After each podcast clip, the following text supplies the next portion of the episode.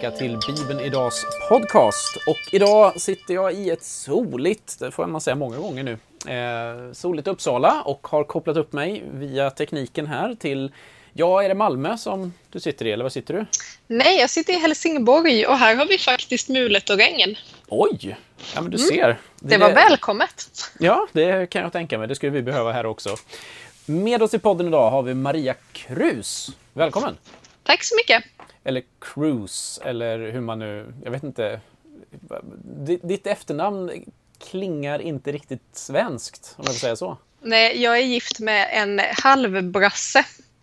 Eh, så därav efternamnet. Så man kan eh, uttala det på, på svenska. Jag tror att mina svärföräldrar någon gång har försvenskat det, för jag eh, har alltid sagt krus, okay. eh, bara så.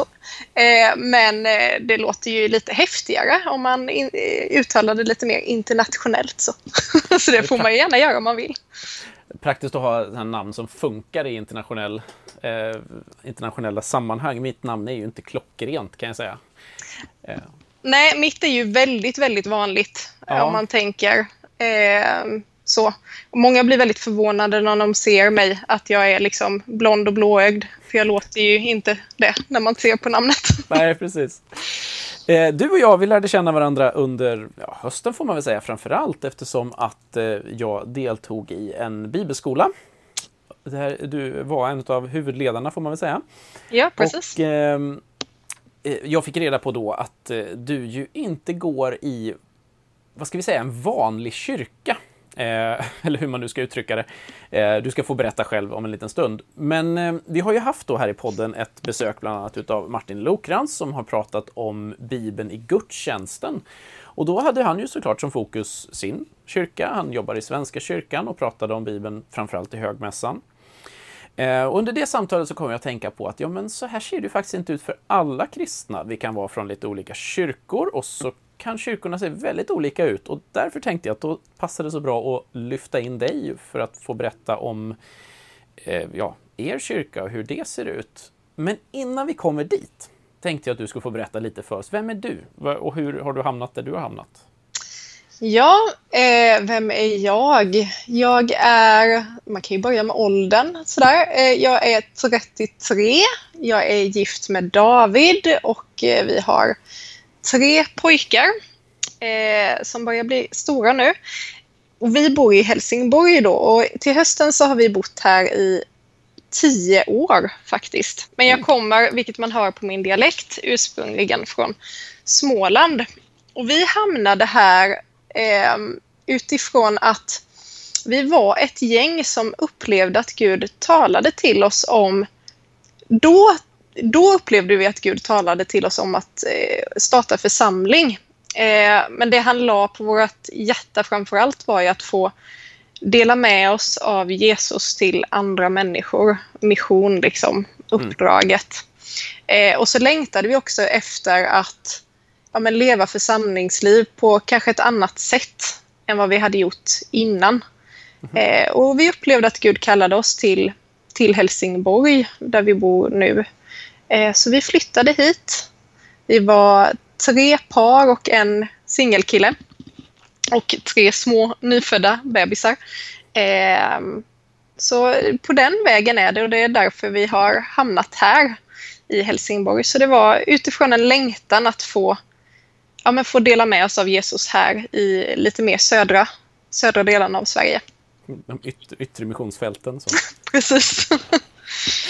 Hur eh, kommer du ihåg, eller det gör du säkert, men vill du berätta lite mer hur den processen såg ut? Var det liksom en, en kvälls tydlig gudsvision eller var det någonting som växte fram? Hur såg det ut?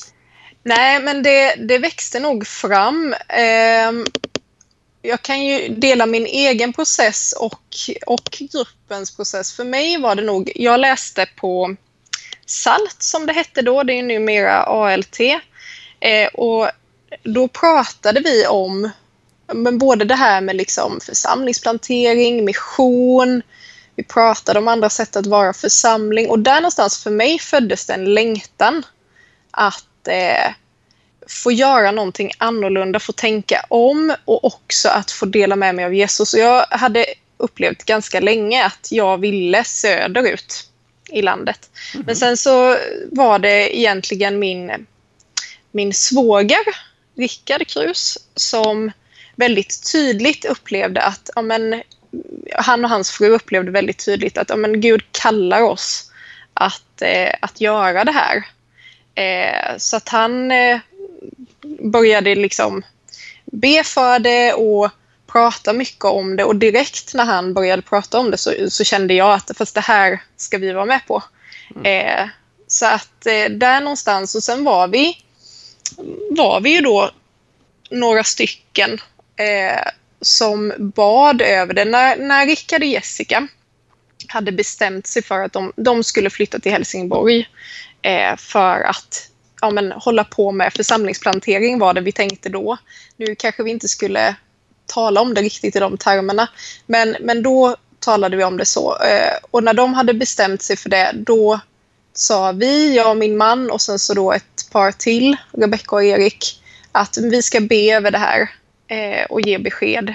Så vi bad nog över det kanske i ett halvår. Jag minns inte exakt hur länge nu, ska jag säga. Eh, och sen så sa vi att jo, men det här ska vi göra. Och sen så hade vi ett år i Sävsjö, där vi bodde då allihop, då vi började träffas eh, tillsammans och be och söka Gud och visionera, eh, dela våra längtan. Eh, och det vi egentligen Alltså när vi flyttade hit och redan innan, det var väldigt mycket så bara att Gud, du får tala. Vi vill lyssna på dig, vi vill lägga ner alla våra föreställningar och framförallt ägna tid åt att söka dig och se vad du vill forma eh, för oss i Helsingborg, eller genom oss i Helsingborg.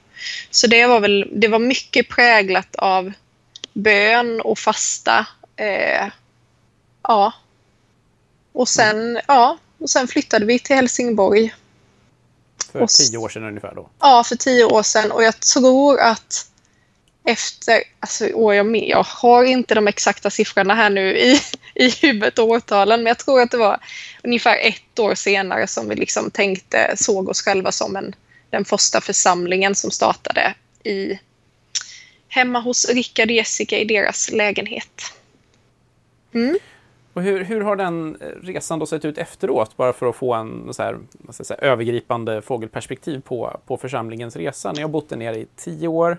Mm. Eh, ni hade visioner om, eh, som du sa, ni pratade om församlingsplantering från början. Var, var det så att ni tänkte er att skapa en vad ska jag säga, konventionell kyrka eller hade ni andra? Nej, Nej, det hade vi faktiskt det, det, tror jag inte vi hade några tankar kring utan någonting som vi upplevde ganska tidigt att Gud talade till oss om det var att ha liksom nära gemenskap, att inte tänka så stor församling utan tänka flera församlingar.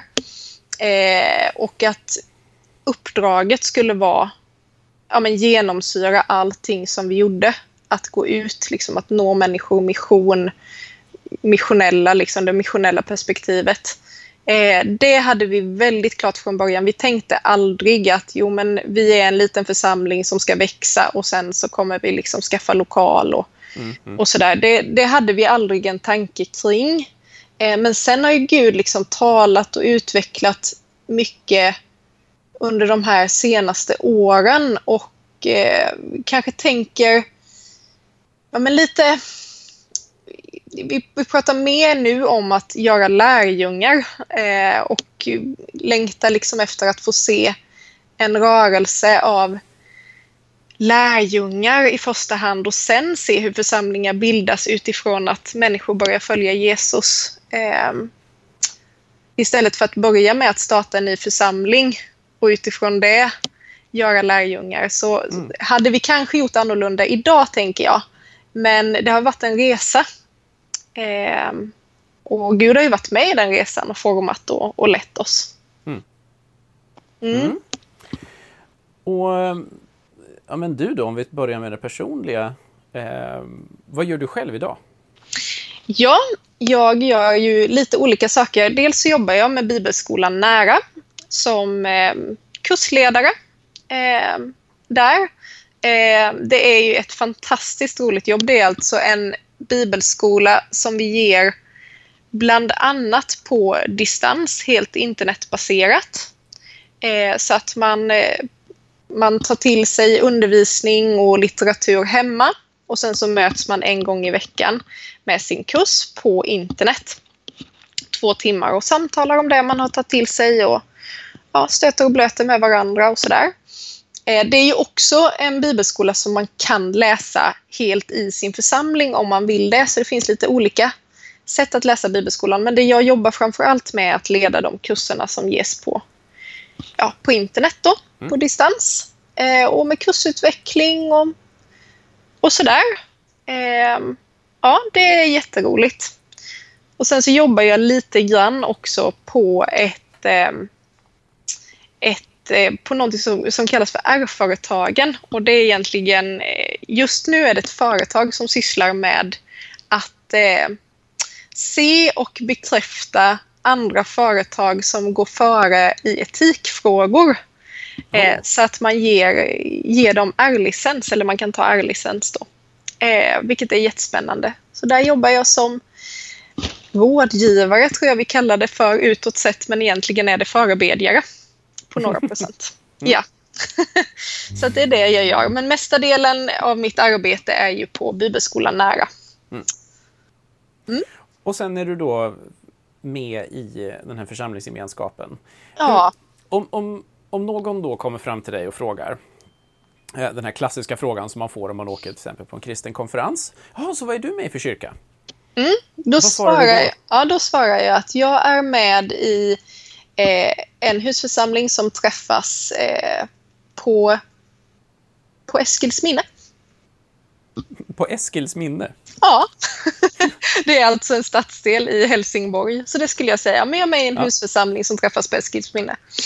Och vad skulle du då säga är liksom karaktären på en husförsamling som skiljer den ifrån ja, men en, en vanlig klassisk, kanske frikyrkoförsamling då? Eh, ja, nej, men det är väl lite olika saker som skiljer, men eh, det, vi träffas ju hemma. Vi träffas inte i en lokal och vi är inte så många utan vi är så pass många så att det funkar att träffas hemma. Eh, och att alla ska kunna komma till tals och, och bidra. Vi har ingen som predikar eller undervisar utan vi läser Bibeln tillsammans och ställer frågorna kring Bibel, eller frågor till bibeltexterna och har ett samtal fundera väldigt tydligt på ja, men hur, hur påverkar det här mig? Vad ska jag göra utifrån bibeltexten? Finns det människor som behöver höra det jag har läst? Som jag kan dela vidare det med. Eh, vi, ehm, mycket av det vi gör sker kring, eh, kan ske och sker kring matbordet där vi delar, delar gemenskap med varandra men där vi också ja, men bryter brödet och delar ja, men bägaren eh, tillsammans. Och det gör vi varje gång vi ses.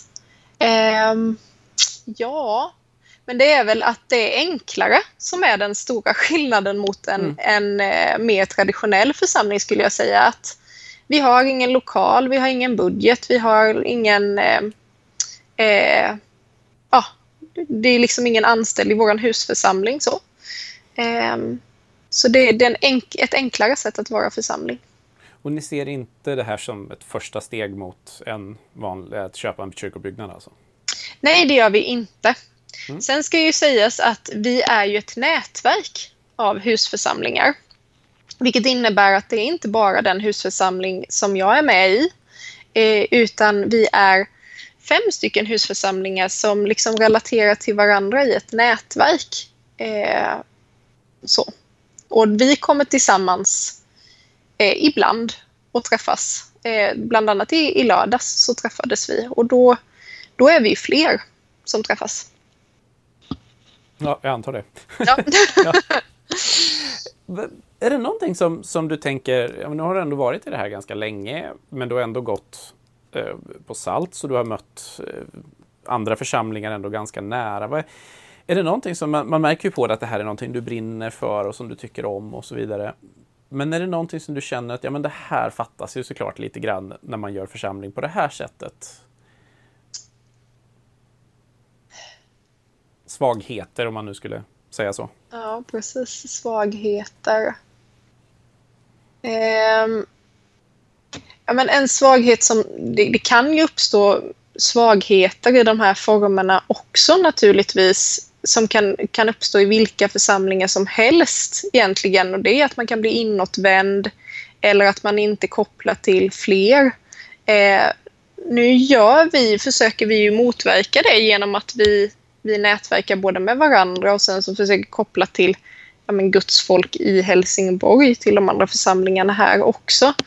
Eh, men just i själva församlingslivet eh, så finns det ingenting som jag...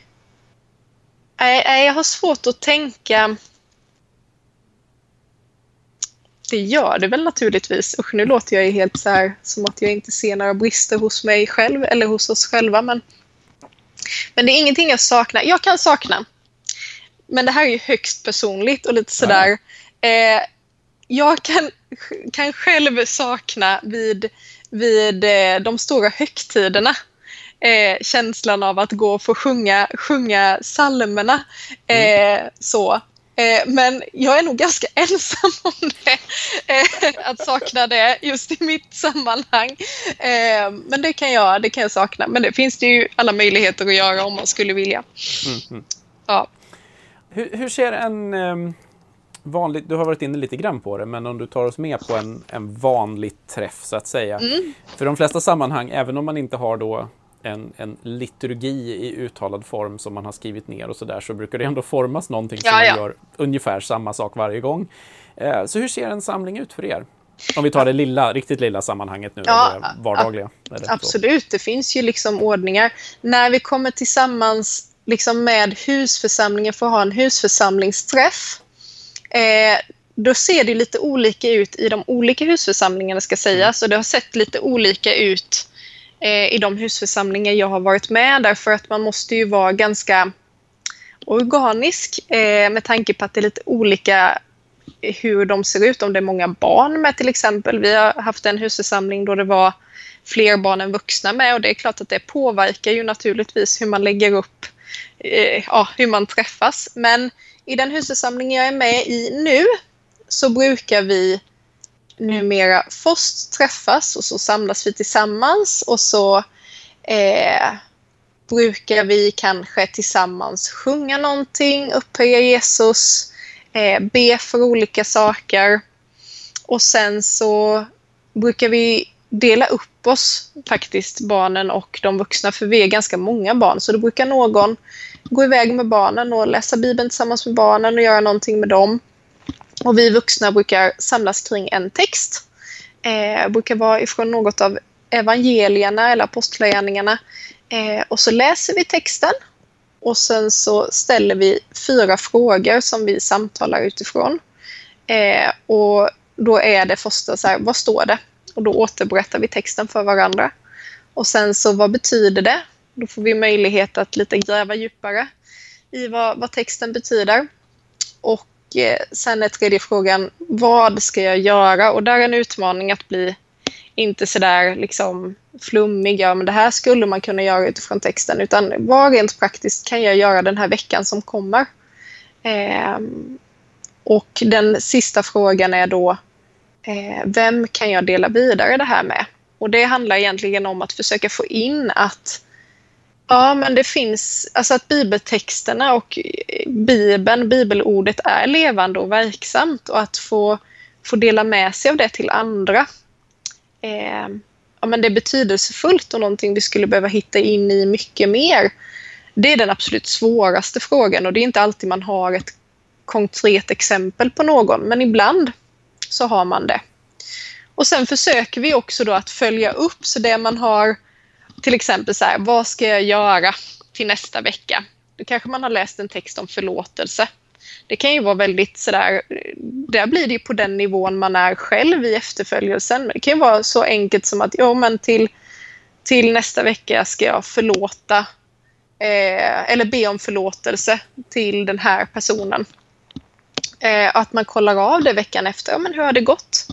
Eh, har du kunnat förlåta den här personen? Har du Eh, nej, har du, kun, har du fått be om förlåtelse till den här personen eller hur har det gått? Så det blir att man faktiskt eh, hjälper varandra i efterföljelse utifrån bibeltexten.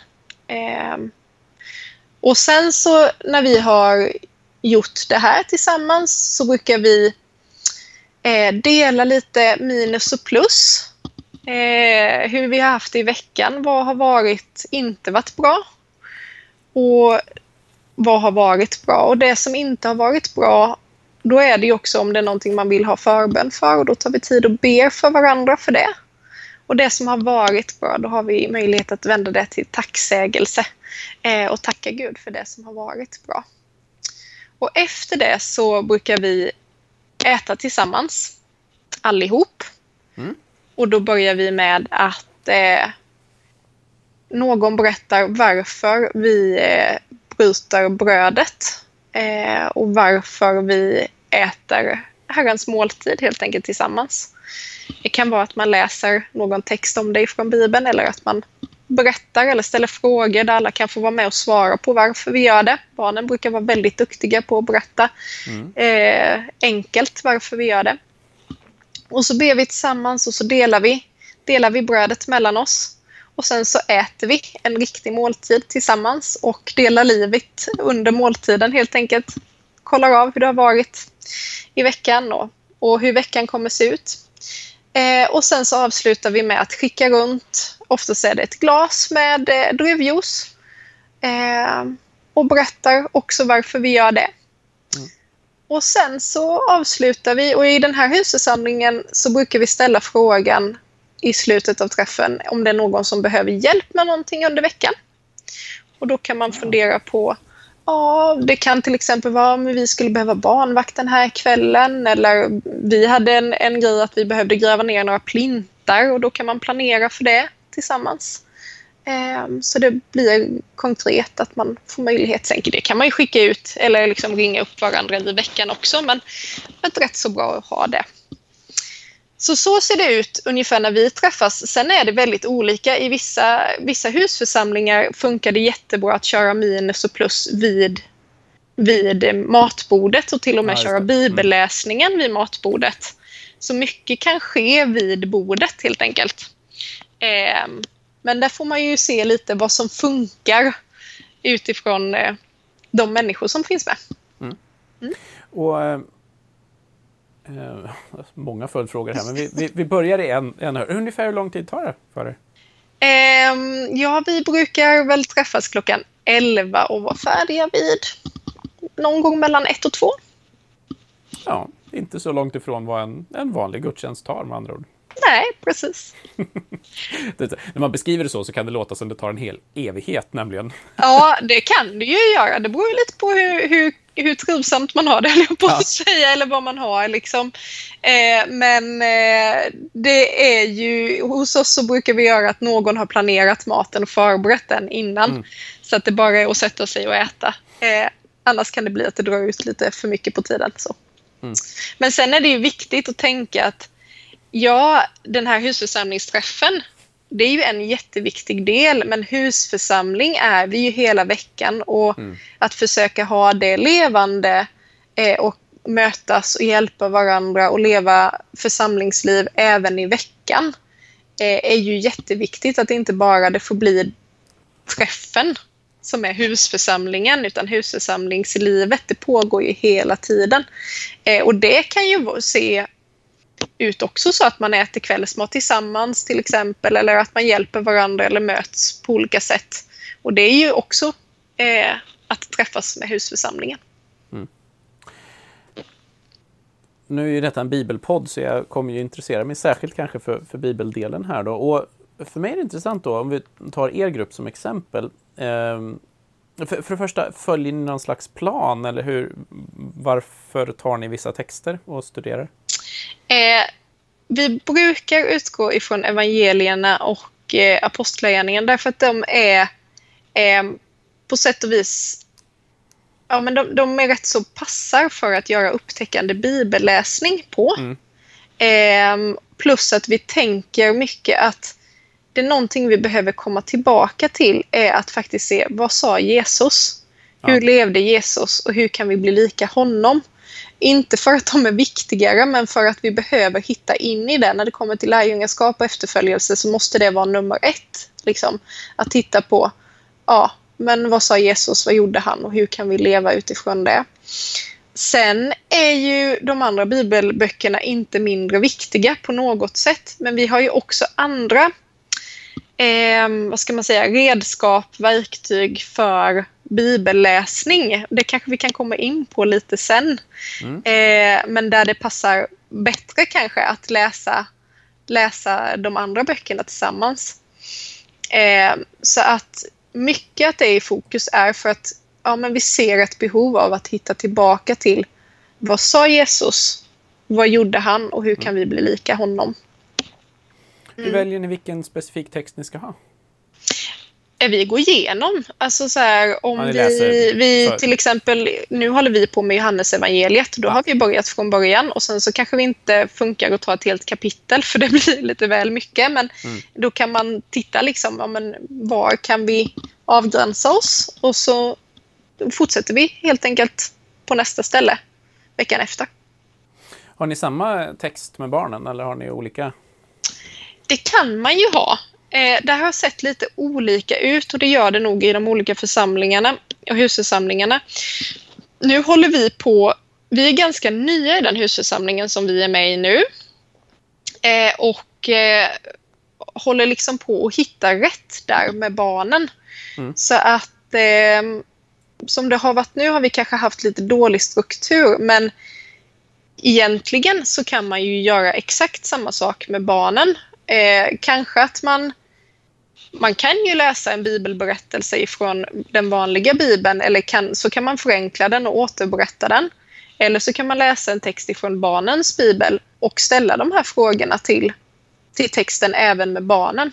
Så det, det går ju verkligen att göra det eh, med barnen. Det är någonting som vi faktiskt har pratat om nu, bara det sista, att ja, men det, det skulle vi nog behöva hitta in i igen tillsammans. Intressant. Mm. När ni kommer till... Eh, det här är en väldigt enkel fyrstegsmodell men som, är, som ju är väldigt effektiv också just att få, få utmana sig själv. Eh, till, både till förståelse och, och, just det här att inte ha någon som predikar över texten utan att jag måste fundera själv är ju någonting som oftast leder, leder till väldigt intressanta diskussioner. Eh, Eh, utan att, eh, du kan väl få försöka svara allmänt på den för nu kanske din husgrupp inte vill eh, för, berätta om sin maktbalans. Men hur är din upplevelse där med, med just det här att få alla delaktiga? För min upplevelse ofta med grupper är ju att efter ett tag så sätter sig en struktur av att vissa säger mindre, vissa är mer pålästa så de kanske kan jättemycket och kan dela jättemycket och ja, men det betyder egentligen det här och så vidare. Jobbar ni någonting med, med att verkligen men, få in alla i samtalet och hur gör ni det i så fall? Ja, eh, det måste man ju jobba med och där är det ju jätteviktigt att de som har kanske en större mognad i husförsamlingen eh, tar ett större ansvar för det också. Eh, att se till att man inte bara pratar på utan att man lyfter in alla. Eh, och där, gäller, där är det också så att blir man för många i en husförsamling då kommer det bli att några blir tysta. Och då är det kanske dags att göra någonting åt storleken på husförsamlingen.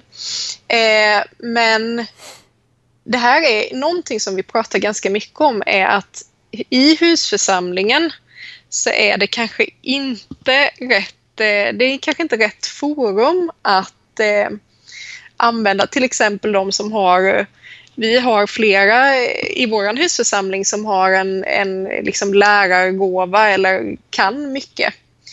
Men det kanske inte är så att husförsamlingsträffen är där man ska briljera med sina kunskaper utan den stora utmaningen skulle jag säga till väldigt många det är att komma tillbaka till det enkla. Mm. Att inte jag säger inte att det är fel att problematisera för jag älskar att gå djupt i texterna och att fundera på olika vinklingar. Men många gånger så behöver jag och vi som kanske har fått mycket kunskap hittar tillbaka till det enkla i texterna. Vad är poängen? Vad är kärnan? Och hur, hur kan det rent praktiskt ta sig uttryck? Mm. Eh, och det där är en stor utmaning att, att verkligen komma till frågan vad ska jag göra och inte prata om det som något teoretiskt. Mm. Utan som något faktiskt. Mm. När ni då tar steget vidare efter att ha förstått så att säga, eller brottats med texten och så går ni vidare till att göra och dela då.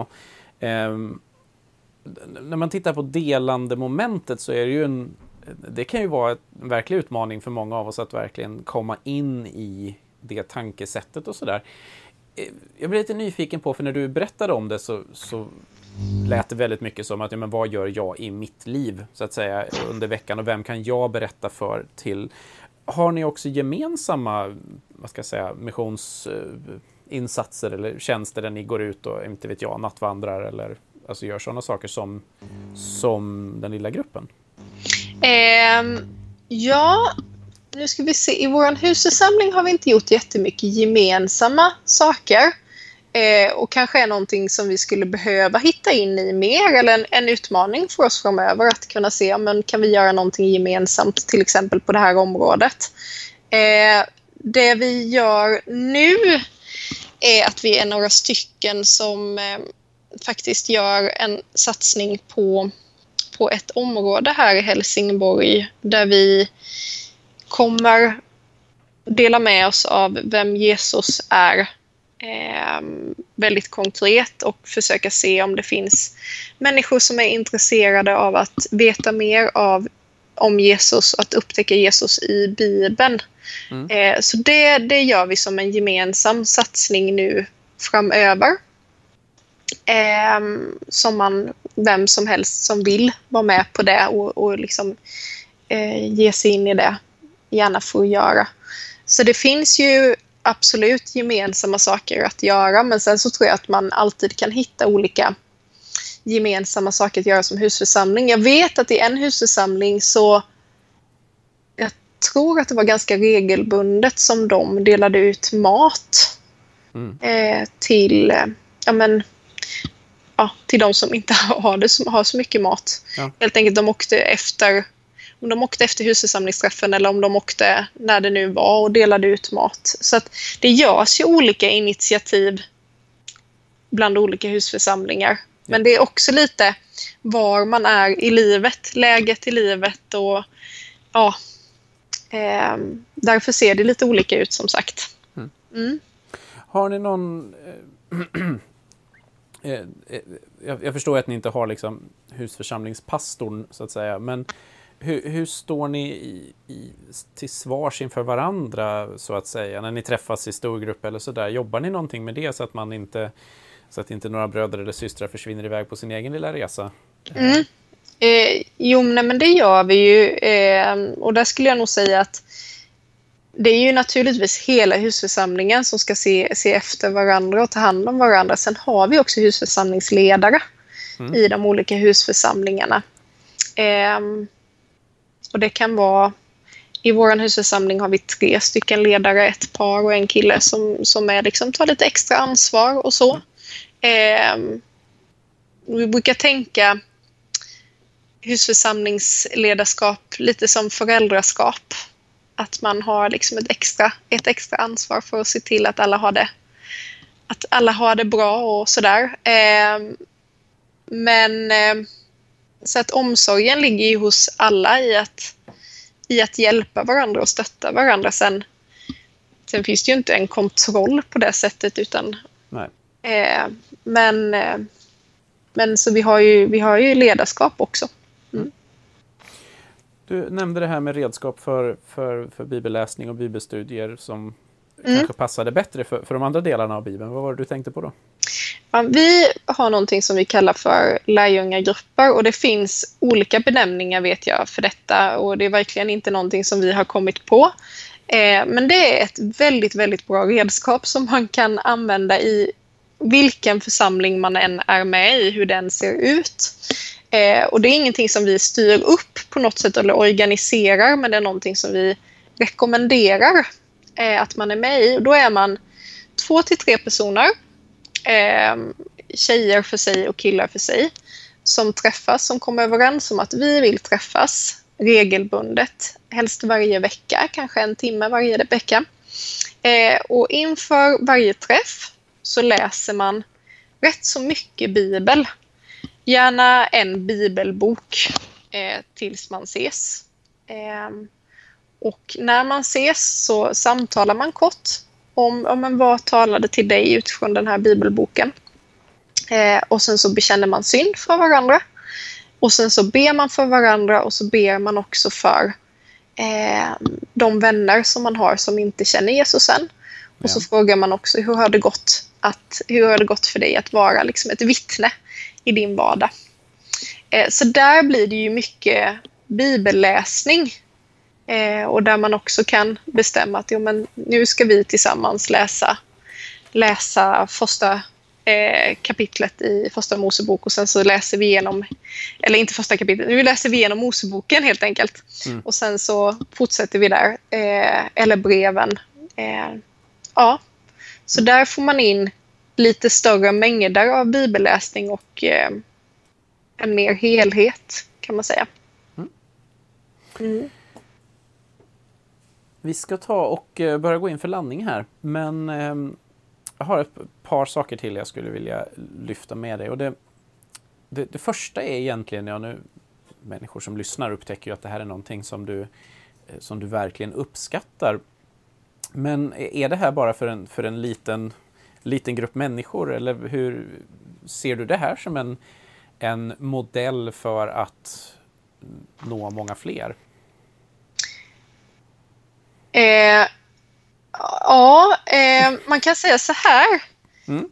Det som jag längtar efter och det som vi längtar mycket efter är att få se en rörelse helt enkelt av lärjungar som gör lärjungar och att församlingar får bildas utifrån det. Mm. Eh, och ett sätt att göra det, det är egentligen att ja, men tänka mer att, att eh, man delar evangeliet, man delar Jesus med någon eh, som också har, liksom, som kanske är en person som har en, en grupp människor runt omkring sig. Eh, det, kan vara, det kan vara en förälder i en familj eller det kan vara någon som är i ett kompisgäng och att man får dela Jesus med den personen som vill upptäcka Jesus och som också kan, kan dela Jesus vidare med de andra. Eller som den här satsningen vi ska göra där vi går ut och ser finns det fler som vill veta mer om Jesus och där man startar en, en, eh, en Jesusupptäckargrupp bland människor och att det sen får bland de som vill ta emot Jesus eh, bli församlingar helt enkelt på det sättet. Mm. Där det blir mer eh, ett missionsperspektiv där man går ut eh, och eh, bland människor så får man se hur Guds rike liksom breder ut sig och, och börjar genomsyra olika eh, ja, men familjer, grupper av människor.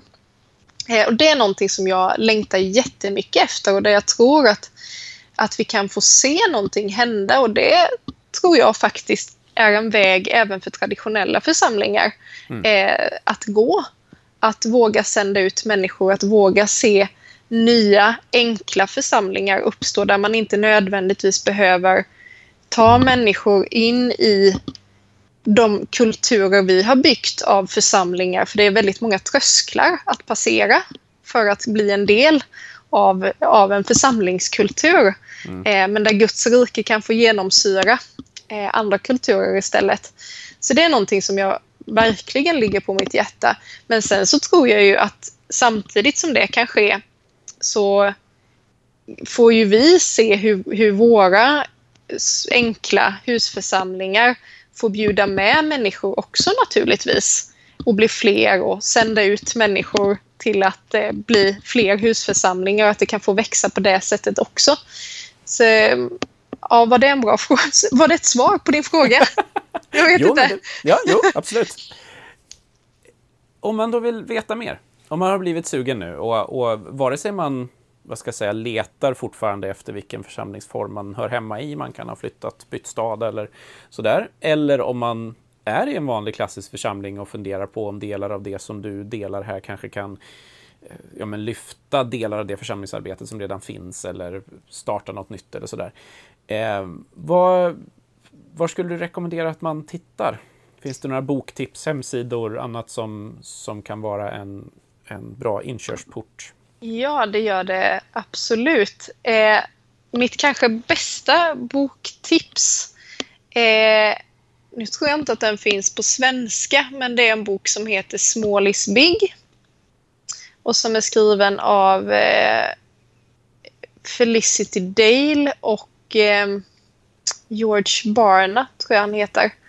Eh, och Felicitys man, som jag har glömt vad han heter. Men Small is big heter den.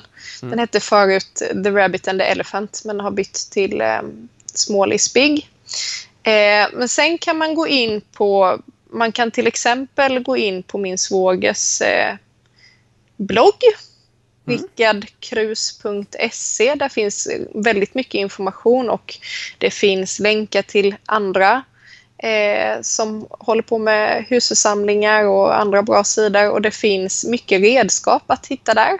Mm. Eh, sen Hur stavar kan man, han? Eh, vad sa du? Hur stavar han? Rickard R-I-C-K A-R-D C-R-U-Z. Mm, .se. Ja. Och sen så kan man ju även gå in på, nu blir jag så här, Simple Church Sweden tror jag det heter. Nu blir jag osäker, jag måste nästan kolla upp. Ja, det är bara att kolla. Eh, ja, simplechurch.se. Där finns jättemycket. Eh, så det är väl egentligen kanske den bästa sidan att gå in på för att hitta hitta var det finns enkla församlingar i Sverige. Det finns ju på ganska många platser. Mm. Många som håller på med det. Eh, och olika redskap och, och sådär som finns. Mm. mm. Och om man blev lite nyfiken på det vi pratade om väldigt tidigt här i podden med, med bibelskola per distans och bibelskolan nära och så. Eh, Precis. Vill, du berätta man... lite kort hur, både, både vad man hittade men också vad finns det för kurser och lite sånt?